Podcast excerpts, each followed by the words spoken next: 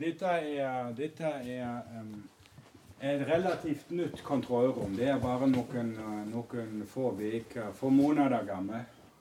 Så, så, kan dere se her at vi kan styre Kanskje dere må innlogge hier for en stingray?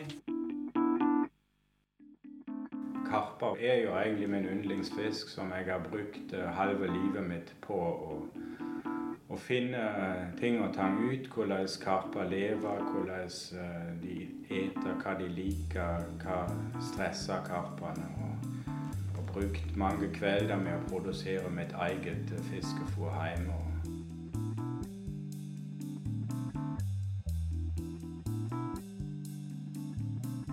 Mitt navn er Michael Nisa. Jeg eh, kommer opprinnelig fra Tyskland. Har bodd over 20 år i Berlin. Har jobba i laboratoriet i flere år hos en større kjemikonsern. Har jeg oppdaget at man kan studere akvakultur i Berlin. Og siden jeg har vært en fiskenerd siden jeg har vært fem år gammel, så var det klart for meg at jeg skal begynne med, med akvakulturstudiet på Universitetet i Berlin. Humboldt-universitetet er kjempestort. De første to år gikk egentlig på hydraulikk og ja, mye teknisk og uh, biologi og anatomi av nyttedyr. Så fra andre år til uh, fjerde år, der gikk det spesialisert på fisk. Og da var vi virkelig bare ni til ti studenter. Nå snakker vi jo om uh, midten av 90-tallet. Jeg har alltid uh, tatt praksis i semesterferien. Så jeg har vært i uh, dyrehagen i Berlin, har hatt en praksis i, i akvariet i Berlin selvfølgelig. Jeg har jobbet med mye med maneter, da, egentlig. Glassmaneter, brannmaneter og mer spennende arter også. Egentlig var det et veddemål med en god kompis i Berlin som uh, vi satt og fiska på karpe, og og så, sa han til meg at uh, han hadde planlagt å, ta en praksis med, med laks i, um, i Norge, så jeg hadde lyst å være med. Så var det jo litt mer vanskelig å finne en praksisplass i, i slutten av 90-tallet, fordi um, uh, her i Norge var jo den lakseakvakultur var var jo for nordmann. I dag har vi jo nå i Sylefisk ansatte fra flere forskjellige land. Ja. Men um, på slutten av 90-tallet var det ikke vanlig. Så, så, det var jo litt morsomt når jeg kom her til Solund. Det var jo veldig spesielt. Jeg visste jo ikke hvor jeg havna. Jeg snakket ikke norsk. Um, så ringte jeg hjemme og sa nå, nå står jeg på en kai, og dette skal være en fergekai, men det står ikke noen andre biler her. Og hvis jeg ikke melder meg i de neste to uker, de trenger ikke komme til Norge og lete etter meg, fordi jeg har nesten kommet til enden av verden her. Og der, hvis den ferga kommer, vet jeg ikke hvor den går til. Altså Når du kommer fra Berlin, det er jo en kultursjokk. Jeg fikk en veldig fin innføring i det som er laks akvakultur i Norge. Og, og det er også som, som er de små bedriftene som har gründa egentlig det som er det store lakseeventyret i dag. Og jeg eh, ja, jobber jo eh, som praktikant ut på Merkanten ut i eh, Jeg kunne jo ingenting. Jeg kunne ikke kjøre båt, jeg kunne ikke knute. jeg kunne ikke bøte noen nøter. altså Det eneste som jeg visste jo var fiskefôr. Det visste jeg noe om. Men ellers var jo alt nytt. Så det var jo fantastisk. Og så var det sommerstid, og så var det selvfølgelig fest eh, hver eneste helg på en ny øy. Og vi reiser med båt rundt i, på øyene her. jeg har aldri, aldri snakket med damer, med tyske damer om fisk. Men her var jo alle interessert i det. Og um, jeg har jo kommet til paradis. da. Så ble jeg jo kjent med Sissel allerede i 1999. Og det å jo alene er jo en stor grunn nok å returnere også. Det er kanskje den største fisken, eller den fineste fisken, for å si det sånn. Det er den nyeste lokaliteten vår. Mm. Hvor åpen den ligger til. En veldig, veldig bra lokalitet. Her ser dere flåten, og her går det i de røde rørene går strømledningene ut. og fiberkabler, sånn at vi har, vi har um, 4G på, på, anleggene. Og så går der fôret ut. Skal vi se. Vi er 17 ansatte i dag, og um, det har skjedd en del, men vi er fortsatt en liten aktør. Um, og vi prøver iallfall å gjøre et forskjell. Alle våre ansatte er jo fra Solund, og det er viktig å være en lokal arbeidsgiver. Det, det er kanskje det aller viktigste. Altså Det som jeg har erfart når jeg kommer til Norge, var jo at, at det var folk som var dedikert på jobben sin. De har jo blitt født inn, eller de har de har blitt introdusert gjennom familien. Jeg har kommet i kontakt med laksen, har kommet, kommet i kontakt med naturen, med de lokalitetene som var der. Og så identifiserer de seg med firmaet, med fisken, med, med kollegene mye mer når de bor på samme plassen. De deler kanskje fritid også. Når man må tilreise fra en annen kommune, og så har man en turnusjobb, og så går man ni dager eller ei uke på fri, og så kommer man tilbake. Man, man, er alltid litt sånn av og på, kanskje. Og vi ser da også at det er mye stabilere arbeidsmiljø. Ansatte har det rett og slett bedre. Når de kan gå, gå hjem til familien sin hver eneste kveld. Så er det jo ikke en åtte til fire-jobb. Når vi setter ut uh, den småfisken, altså smolten, så kan den komme på natta. Så må folk ut. Når vi leverer fisken til slakteriet, så er det ofte på natta. Og så er det helgearbeid også. Så du må, du må ute kanskje litt mer enn på en åtte til fire kontorjobb.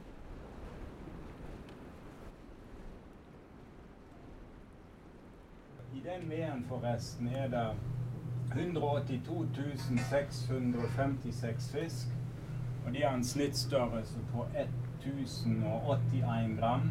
Så alt sammen er det 197 tonn i den meden som vi ser på. Når vi er ferdig med, med produksjonen, så er, er, er, den fisken ca. 5 kilo. Og vi håper vi slakter ca. 170 175 000 fra den meden. Disse brønnbåtene er jo båtene som frakter levende fisk f.eks. fra smoltanlegget eh, til en lokalitet her og sette ut den smolten. Eller de kommer, de kommer og henter den store fisken og frakter den til slakteri. Vi har et smoltanlegg som er her også i Solund. Det heter Solsmolt. Det er på land, i tankene på ferskvann. Sant? Laks er jo, er jo en, en, fisk som lever både i, i ferskvann og i saltvann. Altså de gyter i i ferskvann og, eh, og vokser i sjøvann. Vi kjøper inn eh, rogn. Den kommer fra et stamfiskfirma. Og så blir de lagt i noe sånn klekkeskap. Produksjon av eh, stamfisk. Det er bare noen få aktører, sånn at man har kontroll på det genetiske og hvordan utvikling på disse laksestammene som vi har i produksjonen her skal gå på mange år har man tatt uh, spesielle villaksstammer ut. Så har man tatt de i, i kar, og så utvikler man de videre med at man selekterer de f.eks. på vekst eller for, på lite kjønnsmodning. Og så um, er jo da at den genpolen den blir trangere og trangere med oppdrettsfisken. Og det er jo det som, som blir sagt i dag, at at den oppdrettslaksen som vi har, den kan i så fall ødelegge en villaksstamme hvis han blander seg inn. Da blir noen ville gener fortrengt.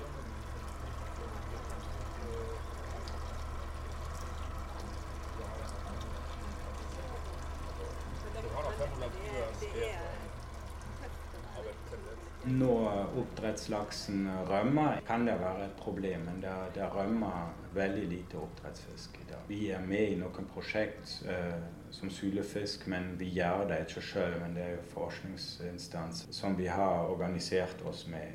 De overvåker visse elver på rømming. Og så har vi jo undervannskamera i våre merder. Vi har dykkere som sjekker nøtene. Så, um, hvis vi har en, eh, en, skade, hvis det har skjedd noe under et uvær, eller vi, vi får en uh, skade på motor, så må vi melde det inn. Fiskeridirektoratet. Man kan jo kritisere dette med, med rømt fisk også. Utgjør det så mye hvis han, han blander seg inn i det genetiske materialet til villaksen? Det fins iallfall teorier som sier nei, det gjør det ikke det egentlig. Fordi laksen som kommer fra elv A, det er også viktig at noen av disse lakser går opp i en elv B eller C eller D eller E. Fordi den krysningen av forskjellige laksestammer er også viktig. Da, da oppnår man en heterosiseffekt som gjør laksene egentlig mer robust. Så naturen har styrt det sjøl, at de blander seg inn. Det som kanskje er mer kritisk med oppdrettsfisken, hvis det er en stor rømming og mange av disse oppdrettsfiskene vandrer opp i en elv, at den genetiske seleksjonen som man har gjort gjennom mange år, og man har hatt fokus på mindre kjønnsmodning, er at det er oppdrettsfisk de går seinere opp i elvene. Og laksen lager jo sånne gruver og, og når de gyter og legger sine egg i, i disse gruvene i elvene. Og når villaksen er ferdig, så vil oppdrettslaksen komme, og de vil ødelegge disse gropene i elvene som villaksen har allerede gyter i. Og dermed kan de ødelegge rogn til villaksen. De har vel blanda seg inn. Altså det, det har skjedd. Den innblandingen har skjedd.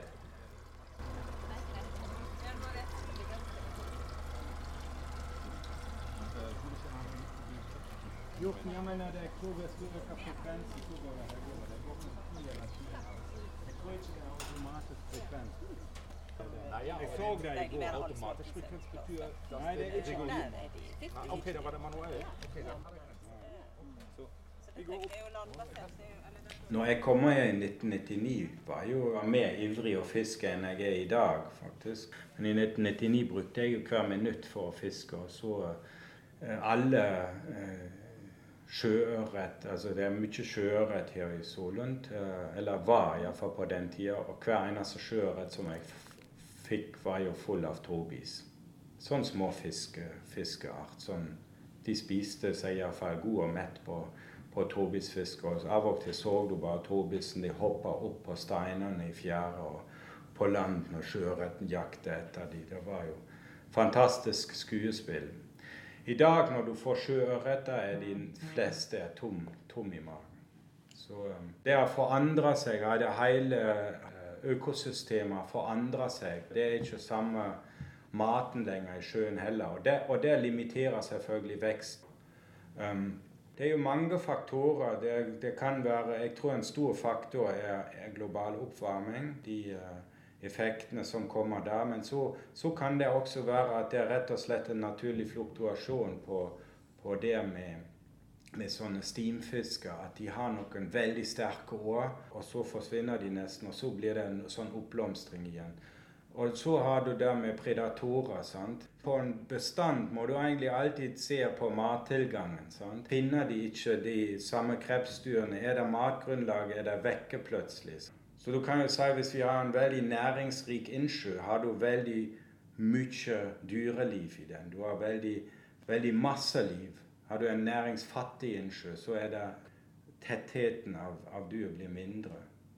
Um, så har du predatorer. Hva har skjedd med makrell? Ja, makrellen har, har vært Det er helt uten tvil at disse store stimer som kommer inn hver sommer, de går etter, et, etter den maten som de kan få. Så de kan både filtrere partiklene ut av sjøen, men de kan også eh, være en skikkelig råfisk og spise småfisker. Og disse store makrellstimer de har jeg ikke sett eh, de første årene her. Men samtidig må man også si at vi snakker jo ofte om vi har fasitsvar på ting og tang, men jeg, jeg har bare oversikt over de siste 20, 22 år her i Solund. Har mine egne subjektive erfaringer, og det, likevel er det tidsrommet veldig, veldig lite. sant? Svar, ja, er det overfisking? Er det for mye oppdrett? Eh, Fortrenger dette fiskearter og dyreliv? Eh, Det er ikke et fasitsvar. Mest sannsynlig er det mange, mange faktorer som spiller inn her. Det som jeg er helt sikker på, det, og det som er undervurdert, er den globale oppvarming som spiller allerede en, en stor rolle her på norskekysten også. Um, Makstemperatur de første fem, seks, sju år var 16 grader, som vi hadde i sjøen. Sant? Og nå har vi hatt noen år der har vi målt 18 og 19 grader på fem meter. Det er ikke et bevis at dette er global oppvarming. Men hvis jeg skal svare fra det ståstedet, så vil jeg ha sagt ja, det har blitt varmere i sjøen. Og, og, at det, det, er global oppvarming, det, det, er, jo, det er jo bevist. Laks er en kaldvannsart. Den sliter litt når det kommer temperaturer over 14 grader. Og oftest er det jo når vi er der så varmt i overflaten og vi går ned med, med kamera eh, på 20-25 meter i merdene våre, så er det kaldere da det er en sjikting i sjøen. Så fisken oppsøker da kjøligere områder. Ja, her har vi kamera på merkanten som vi kan følge med fôring. Så kan vi starte fôring nå. Skal vi se. Skal vi se. Sånn. Nå er det litt vann i den slangen. Jeg har starta fôringsprogrammet. Fôringsprogrammet er oppe. Det er også en datamaskin som er på, på det anlegget, så vi har full, uh, full fjernkobling på det anlegget. Vi har internett på anlegget. Derfor ser vi bilder av, av merene av fisken også.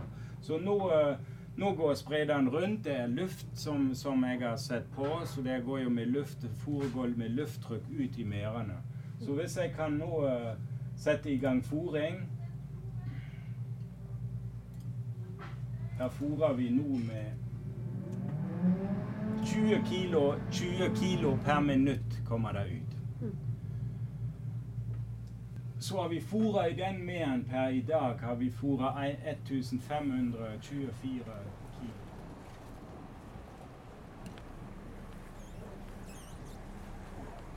Jeg er veldig bekymra i forhold til dette med, med global oppvarming.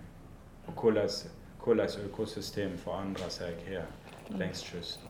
Det er, det er, veldig lett å, å skylde på overfisking eller fiskeoppdrett i Norge. og Jeg mener vi er altfor raske for det. Det var jo en av store grunnene som, som jeg har kommet til Norge, egentlig for, for å se hvor mye hormoner og antibiotika den oppdrettslaksen virkelig får. fordi den rykta der holder seg jo levende i alle år. Og det var jo Jeg, eh, jeg sa det jo før jeg kom til Norge. Ja, de tror jeg kommer for tre måneder. Jeg returnerer iallfall med en gang når jeg ser disse eh, store containere med antibiotika som blir fôra til laksen. Ja, ja.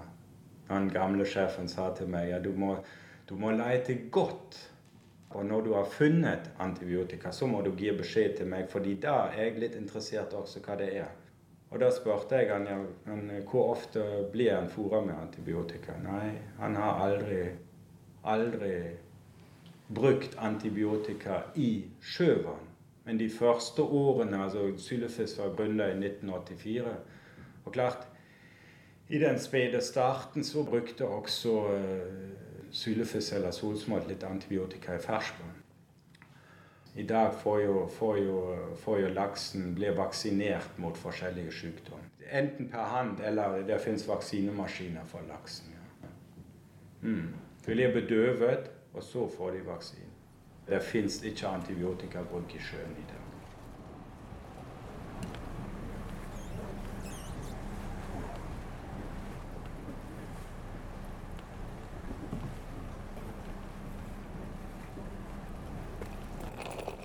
Den største utfordringen vi har jo i dag, er lakselus.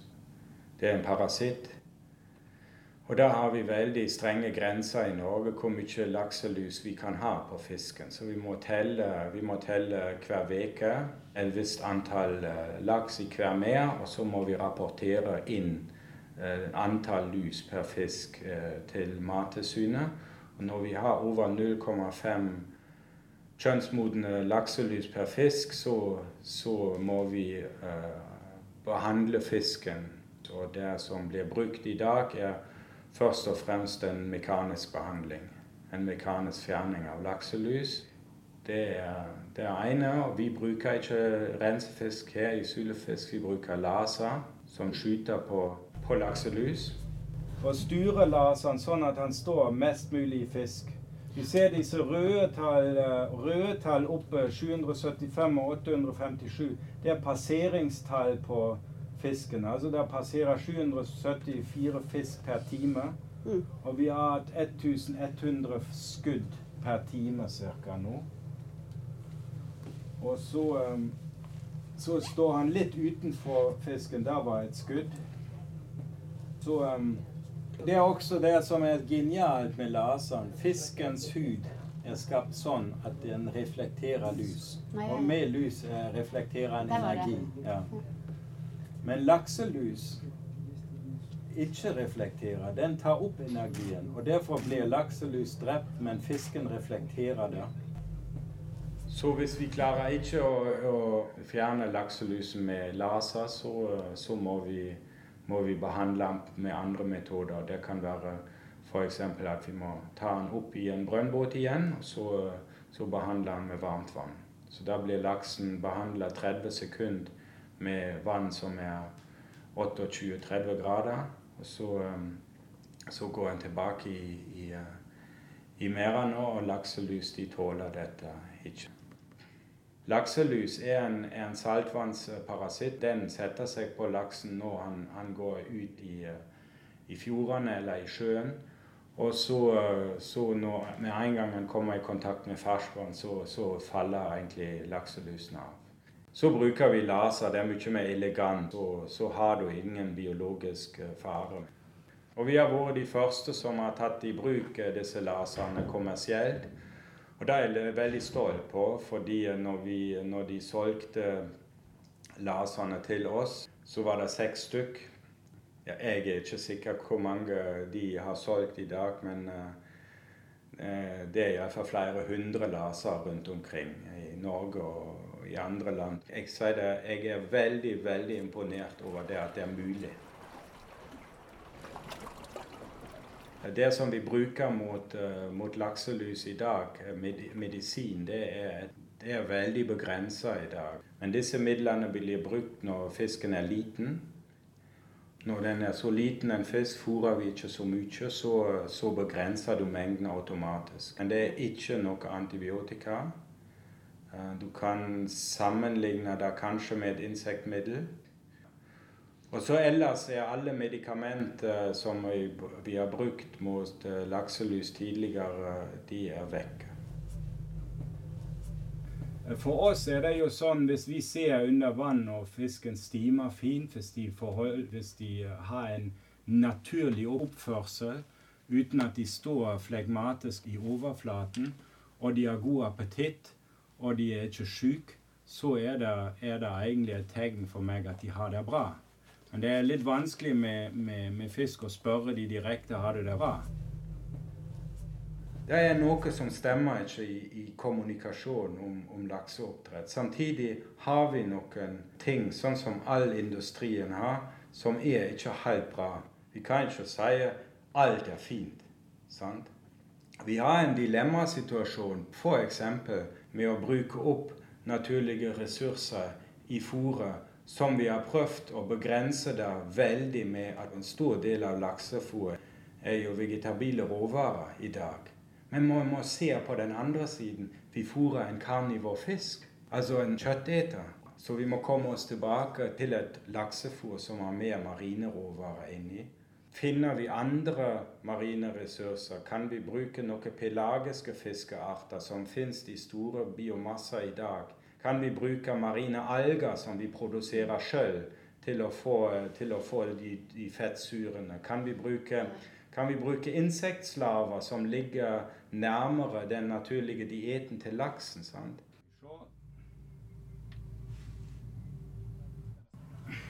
Sånn. Da ser dere nummerert i siloene. De har fjernstyring, så vi kan åpne disse siloene automatisk. Når fòrbåten kommer, laster han fôr direkte i silo. Nei, der legger, der legger seg fòrbåten på siden av, av, flåten. Og så kommer de med en stor sånn snorkelignende snorkeliknende rør over, og så pumper de fôret over til de siloene.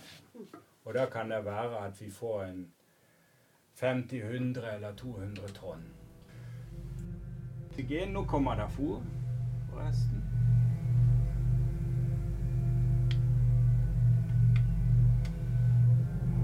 Eh, når du bruker f.eks.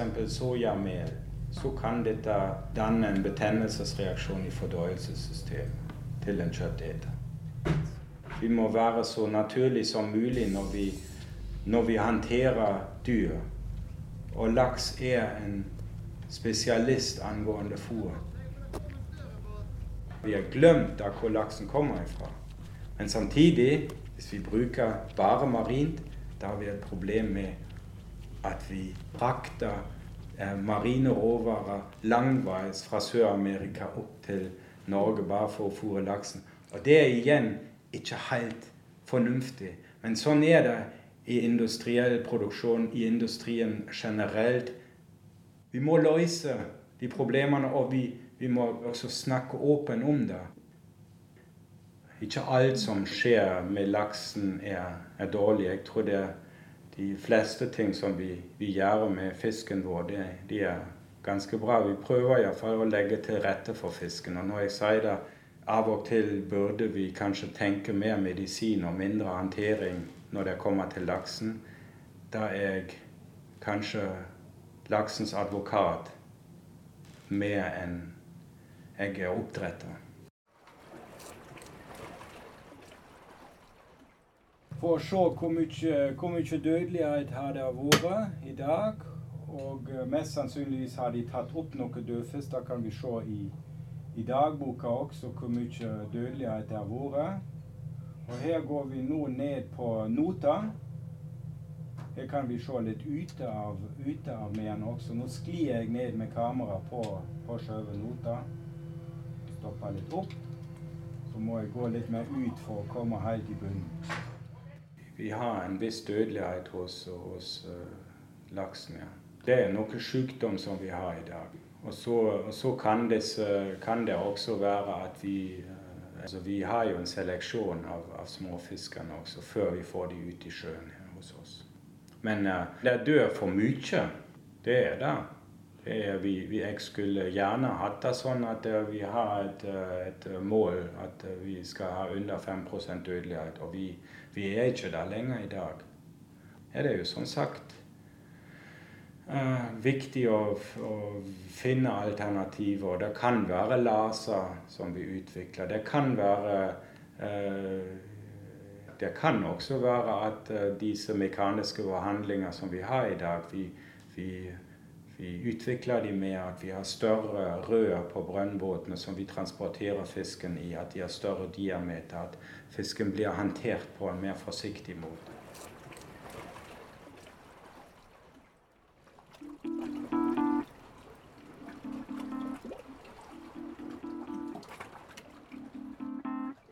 Uh, vi må akseptere at noen skal skje industriell også i Norge, og ikke bare i andre land.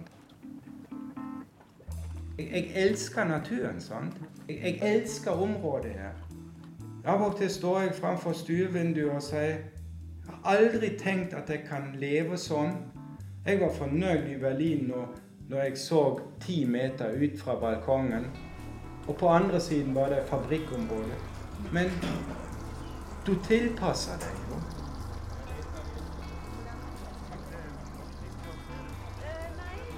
Så må vi av og til også si ja til ting. Selv om vi vet det er et stort inngrep i naturen, i den norske naturen. Men hvis vi sier nei til alt, som et så, såpass bra land som Norge, og vi hadde penger og, og, ressurser til å utvikle den industrien og se hva, hvor stort det inngrepet blir virkelig, hvis vi sier nei til alt, blir det gjort på andre plasser. Sånn.